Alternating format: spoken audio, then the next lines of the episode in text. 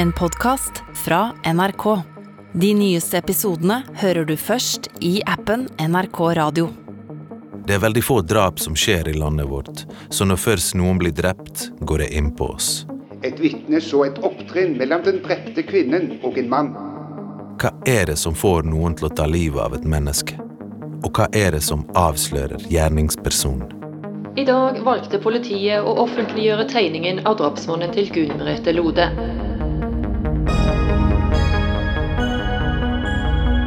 I denne podkasten følger vi sporene til de som dreper.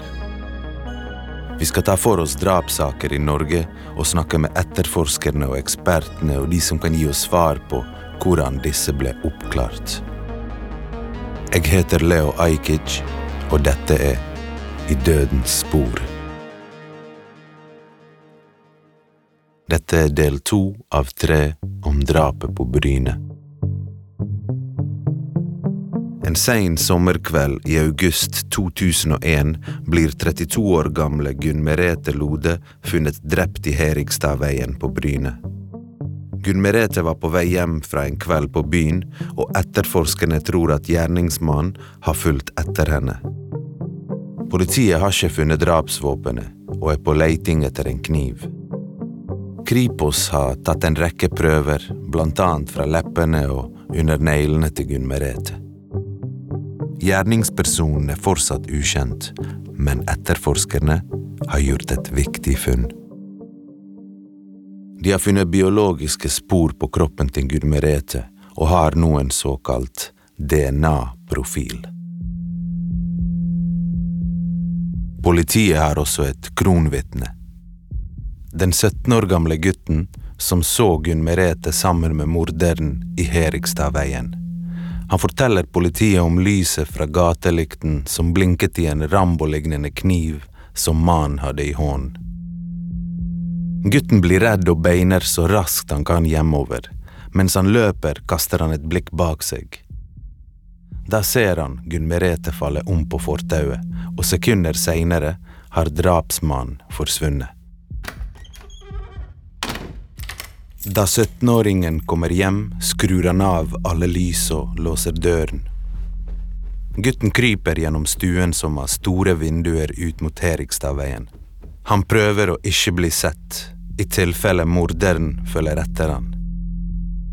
Hjemme er en av hans kompiser. Han prøver å forklare kompisen hva som har skjedd, så ringer telefonen.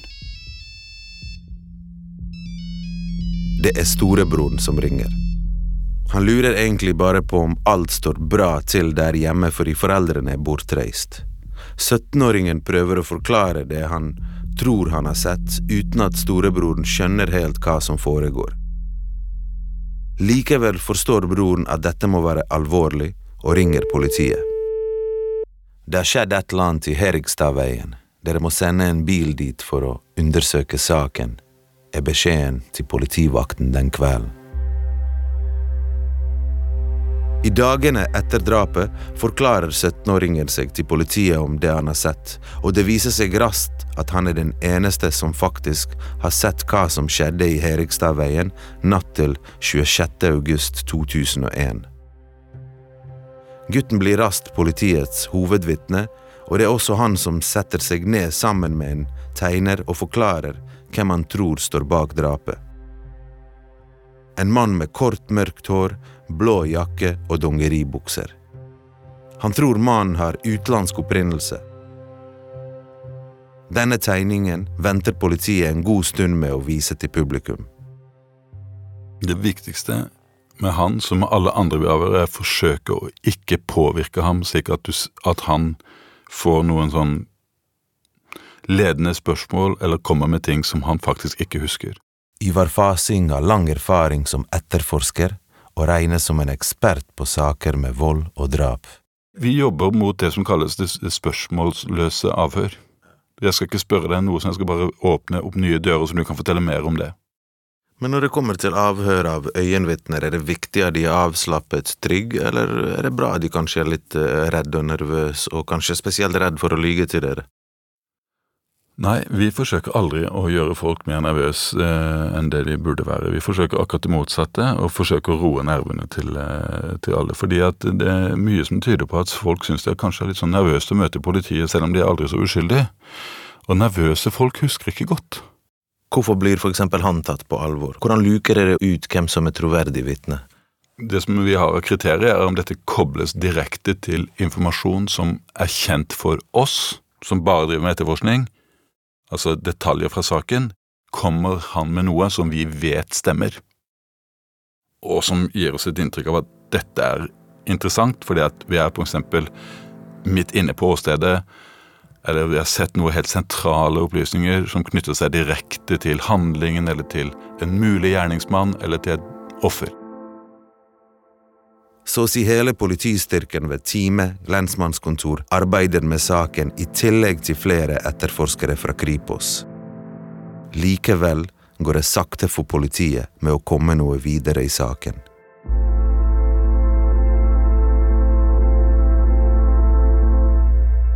Kripos var til stede under det hvite teltet i Herigstadveien morgenen etter drapet.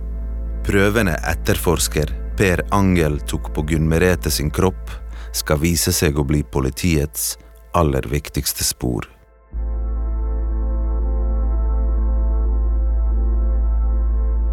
Det er jo det første man gjør. Man sikrer DNA, så man ikke kommer inn og tar masse på kroppen og kontaminerer, liksom forurenser, da.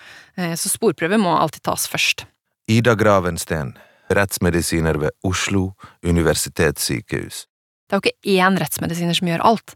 Altså, i TV-serier ser det jo gjerne sånn ut, men det er jo et helt arsenal av personer. Liksom, politiet er jo de som sikrer de tekniske sporene, klærne, blodspor, ikke sant, eh, i stor grad prøver. Vi gjør obduksjonen, så har du egne rettsmedisinere som tolker eh, blodprøver, for eksempel, og ser etter rusmidler og andre stoffer. I prøvene til etterforskerne har de funnet spor etter et annet menneske enn Gunn Merete. DNA-profilen tilhører en mann, og dette gir etterforskerne ni gnist. Får de tak i personen med DNA som matcher funnet på Gunn Merete, er det gode sjanser for å finne løsningen på drapet. Alle i Gunn Meretes vennekrets, familie og andre nære testes. Hvis politiet tester alle som kan ha lagt igjen spor på Gunn Merete sin kropp, men ikke finner en match blant disse, kan de utelukke at gjerningsmannen er en Gunn Merete kjente. Fordi politiet vet veldig lite om hvem de er på jakt etter, etablerer de en liste med personer de mener bør DNA-testes på bakgrunn av rulleblad. Listen med interessante menn består nå av 25 stykker med kriminell bakgrunn som alle skal avhøres og bli tatt spyttprøver av. Jakten på såkalte moduskandidater iverksettes for fullt. Eh, moduskandidat fra, fra gammelt, altså, så, så, er det egentlig at man, man ser på et åsted, man ser sporene som er der, og så tenker man hvem er det noe som har gjort noe lignende tidligere? Hvilken person er det som kan stå bak det her? Håvard Haftor Arntzen, seksjonsleder og krimtekniker i Kripos det begrepet er nok jeg glir litt ut, for det, det, man gjør i en sånn sak, så, og man har en mannlig DNA-profil, så ønsker man å for det første kontrollere kan det være jeg som kriminaltekniker som har kontaminert, altså oversmitte, kan det være ambulansetjenesten, kan det være legen, altså alle som har hatt befatning litt avhengig av sporet, og liksom du knytter DNA-sporet opp mot den straffbare handlinga, jo mer sikker kan du være på at det er gjerningsmann sitt DNA-spor. Mm. Så du mener at hvis jeg en gang har begått et bankran, så vil politiet kanskje besøke meg for hver gang de ikke vet hvem som står for neste bankran? Hvis du Eller? har gjort det på en spesiell måte, så, så kan det være aktuelt, ja. Da uh, har du den modusen som, som, man kanskje ser igjen i, i flere saker. Politiet setter i gang en grundig gjennomgang av potensielle gjerningsmenn.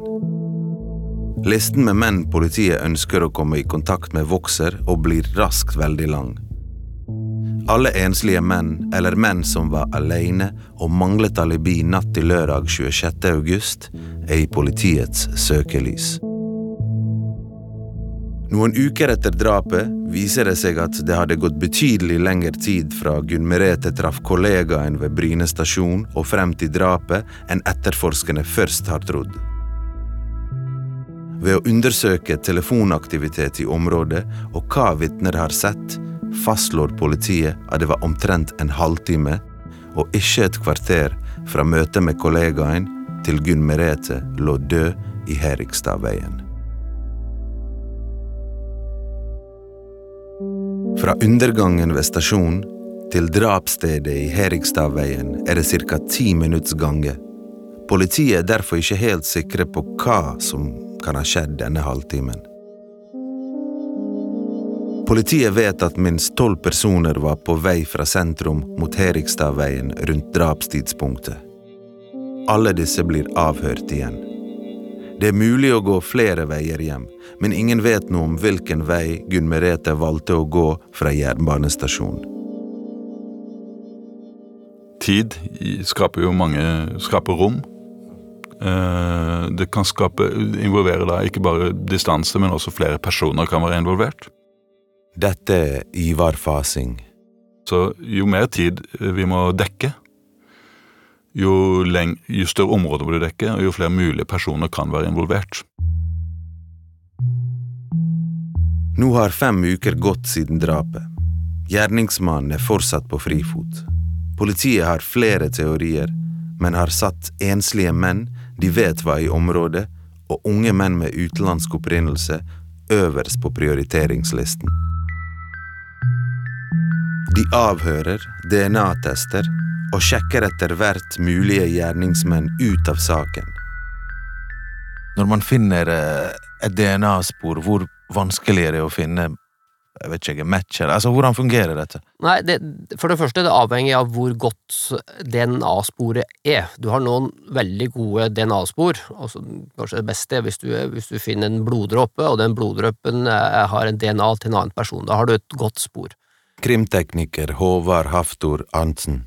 Og da søker man da i, i database, eh, og Kripos har disse databasene som gjelder for Norge.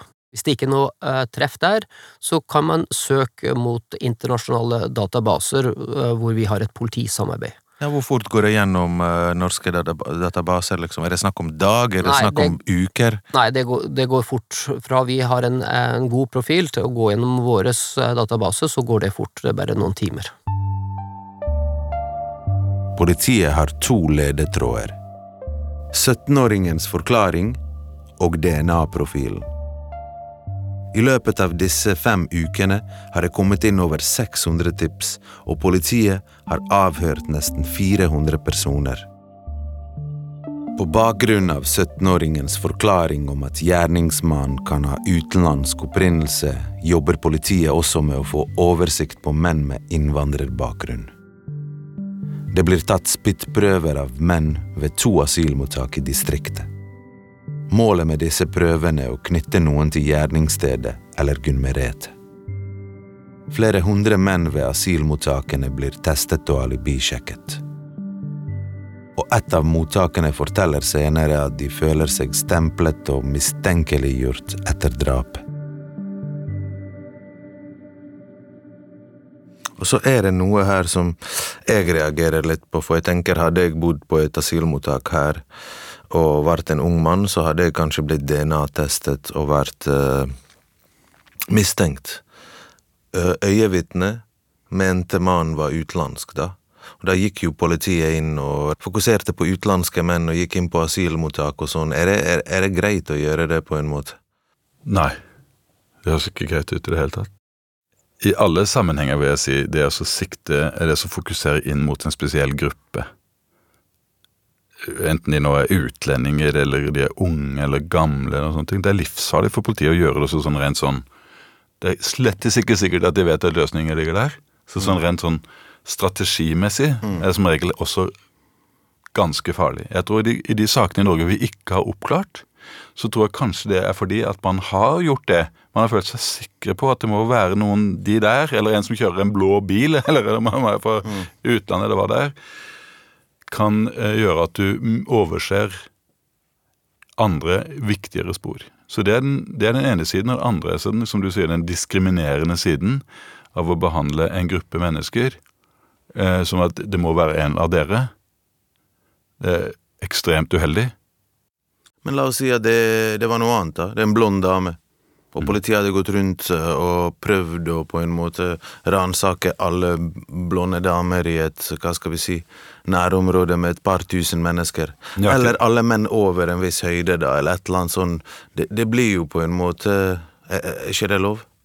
Det, er- det er lov, men som jeg sier, antagelig ikke en veldig god strategi. Du kan si politiet har, Hvis du tenker i, st- i større drapssaker, så har man i grove trekk tre mm, prosjekter, kan du si. Det ene er er det noe som sto henne nær. Altså er det noen i nær familie, eh, kjærlighetsrelasjon, den type ting.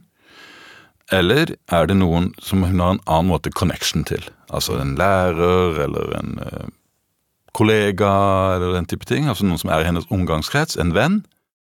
Eller er det noen ukjente? Og blant de ukjente, og det er jo de van vanskeligste og mest uvanlige sakene vi har Det er jo heldigvis ganske få som blir drept av ukjente. I dette landet, i hvert fall. Fordi det er vanskeligere å løse? Det er klart, for det er ikke noe link. Eh, og heller også vanskeligere å se motivet. Kan vi finne noen av de som er dømt for dette, eller som vi vet kan være, har hatt eh, den type tendenser fra tidligere av? Det er også et helt, det, vi kaller et modus-kandidatprosjekt. Helt vanlig. I tillegg forsøker politiet å få tak i alle sesongarbeidere som kan ha vært på Jæren i august 2001. Mange industriarbeidere oppholder seg på Jæren på oppdrag i noen måneder om gangen, og mange reiser til og fra arbeid denne sommeren.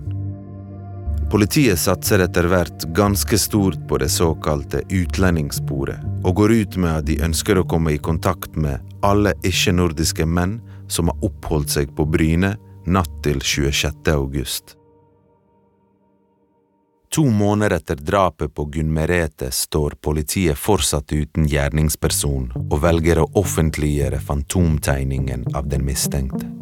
Politiet holder fremdeles alle muligheter åpne, men de håper at tegningen til hovedvitnet skal være nok til å løse drapsgåten. Tegningen er av en mann med kort, mørkt hår, kledd i mørk eller svart jakke og dongeribukser. Det ble òg laget en tegning på en mann et annet vitne hadde sett like før drapet fant sted i området. Denne tegningen stemmer godt med 17-åringens, men han er ikke person av utenlandsk opprinnelse. Politiet har likevel stor tro på at 17-åringen har gitt en god beskrivelse, fordi han så denne mannen sammen med Gunn Merete. Altså I dag så er det veldig sjelden ting skjer uten at noen filmer det. Det er alltid noen som kan observere med en mobil. Sånn var ikke det før i tiden, på en måte. Og, og det gjør kanskje at før i tiden så var det enda viktigere å bare, hva heter det, å få historien ned. Få ned kanskje noe heter fantometegning òg, ja. Helt riktig. Problemet med fantomtegninger er jo at jo, de har potensial at de kan gi et gjennombrudd. Ah, han har jeg sett.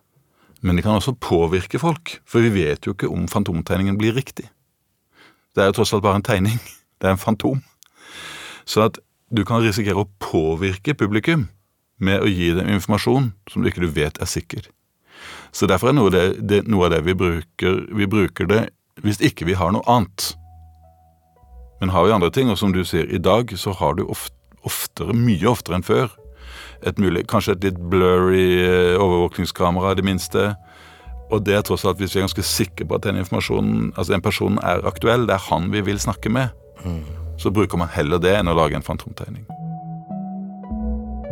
Offentliggjøringen av fantomtegningen fører til ny aktivitet i saken. Ganske kjapt har politiet fått inn 80 nye tips. Men mange av tipsene viser seg å være om menn som allerede er sjekket ut av etterforskningen, og svært få tips går på samme person. Politiet jobber seg gjennom listen med nye mulige drapsmenn. Men eh, publiseringen av Fantomtegningen fører de foreløpig ikke noe nærmere gjerningsmannen. I desember forteller etterforskningsleder Geir Magne Ånestad til media at de avhører og DNA-tester aktuelle menn fortløpende, slik at det både sjekkes ut og fylles på med interessante personer politiet ønsker å komme i kontakt med. Har man ikke alibi for drapsnatten, må man la seg DNA-teste. Han understreker òg at politiet er forberedt på at dette vil ta lang tid, men at etterforskningen pågår med full styrke.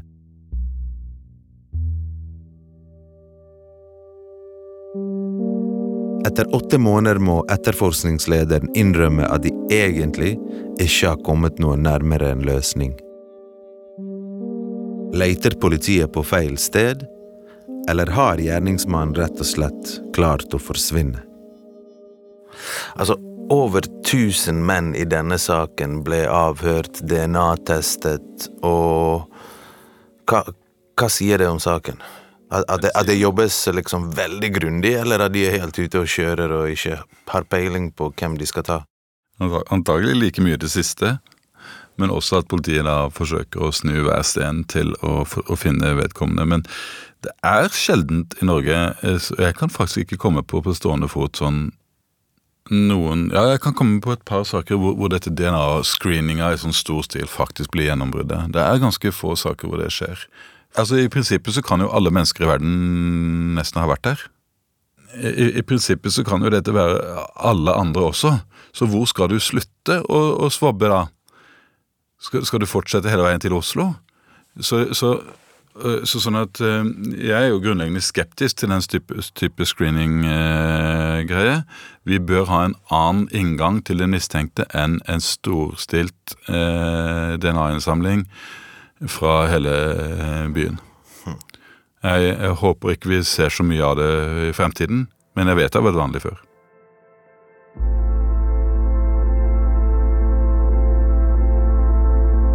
Månedene går, og et år etter drapet utlyser politiet en dusør på 100 000 kroner til den som har tips som kan føre til oppklaring av saken. Dusøren utloves i samarbeid med to lokale banker på Bryne. Det er også noe vi veldig sjelden bruker i Norge, for, fordi at vi ønsker ikke den type tilstander at folk som kanskje sitter med noe, vil vente på å gi det fordi kanskje det kommer noen som gir oss penger for det senere. Men vi har jo veldig dårlig erfaring med det. I de få sakene vi gjør det her, så skaper det jækla mye støy. Og hvis du sier at det var mye tips og rot før det, så blir det i hvert fall mye etterpå. Og 90% av disse tipsene er jo bare helt ubrukelige. Så jeg tror jo stort sett vi lever i et samfunn eh, sånn som Norge er. Sånn som Norge er. Heldigvis så tror jeg de fleste som sitter på noe, vil si det selv om det ikke er noe dusør. Politiet forklarer at de har mange gode spor de jobber ut ifra, men at de mangler enkelte biter med informasjon for å få tatt gjerningsmannen. Den svært gode DNA-profilen gjør at de mener det er helt uaktuelt å trappe ned etterforskningen. Heller ikke dusøren på 100 000 kroner fører etterforskningen noen vei, og politiet må etter hvert innse at ressursbruken og resultatene samsvarer dårlig. Som et siste forsøk på å spore opp gjerningsmannen gjør politiet noe ganske uvanlig. I november 2003 presenteres Gunn Merete Lode-saken i TV-programmet Fornemmelse for mord på TV Norge. I dette programmet skal synske mennesker se nærmere på uoppklarte drapssaker i håp om å komme noe nærmere en løsning. Politiet har ikke veldig stor tro på de synske, men håper likevel at programmet kan gi saken oppmerksomhet og kanskje generere noen gode tips. TV-programmet fører til noen nye tips, men det ser ikke ut til å lede politiet noe nærmere en løsning.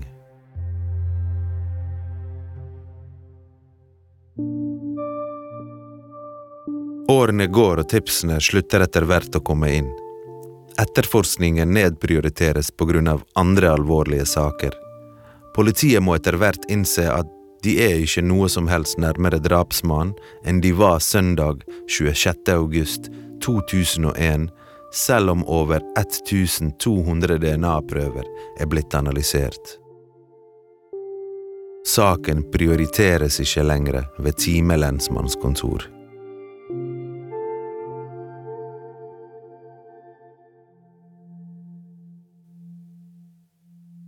Så skjer det noe uventet.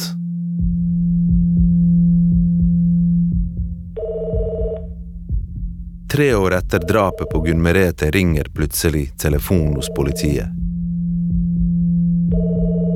Nummeret er dansk. Det personen i andre enden av røret forteller, er så viktig at det fører til at politiet gjenopptar etterforskningen med en gang.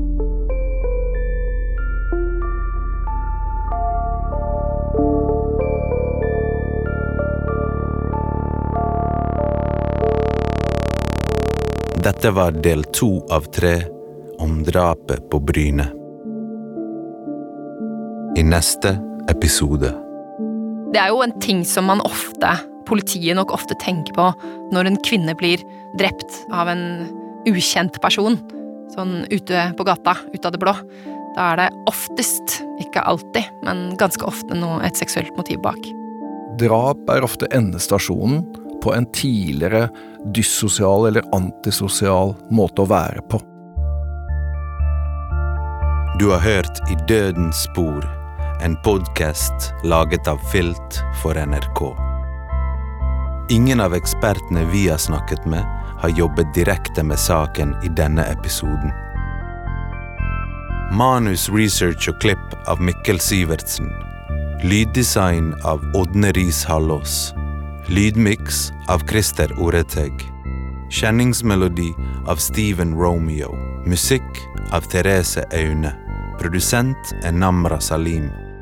Redaktør i NRK er Ole Jan Larsen. Og jeg heter Leo Ajkic.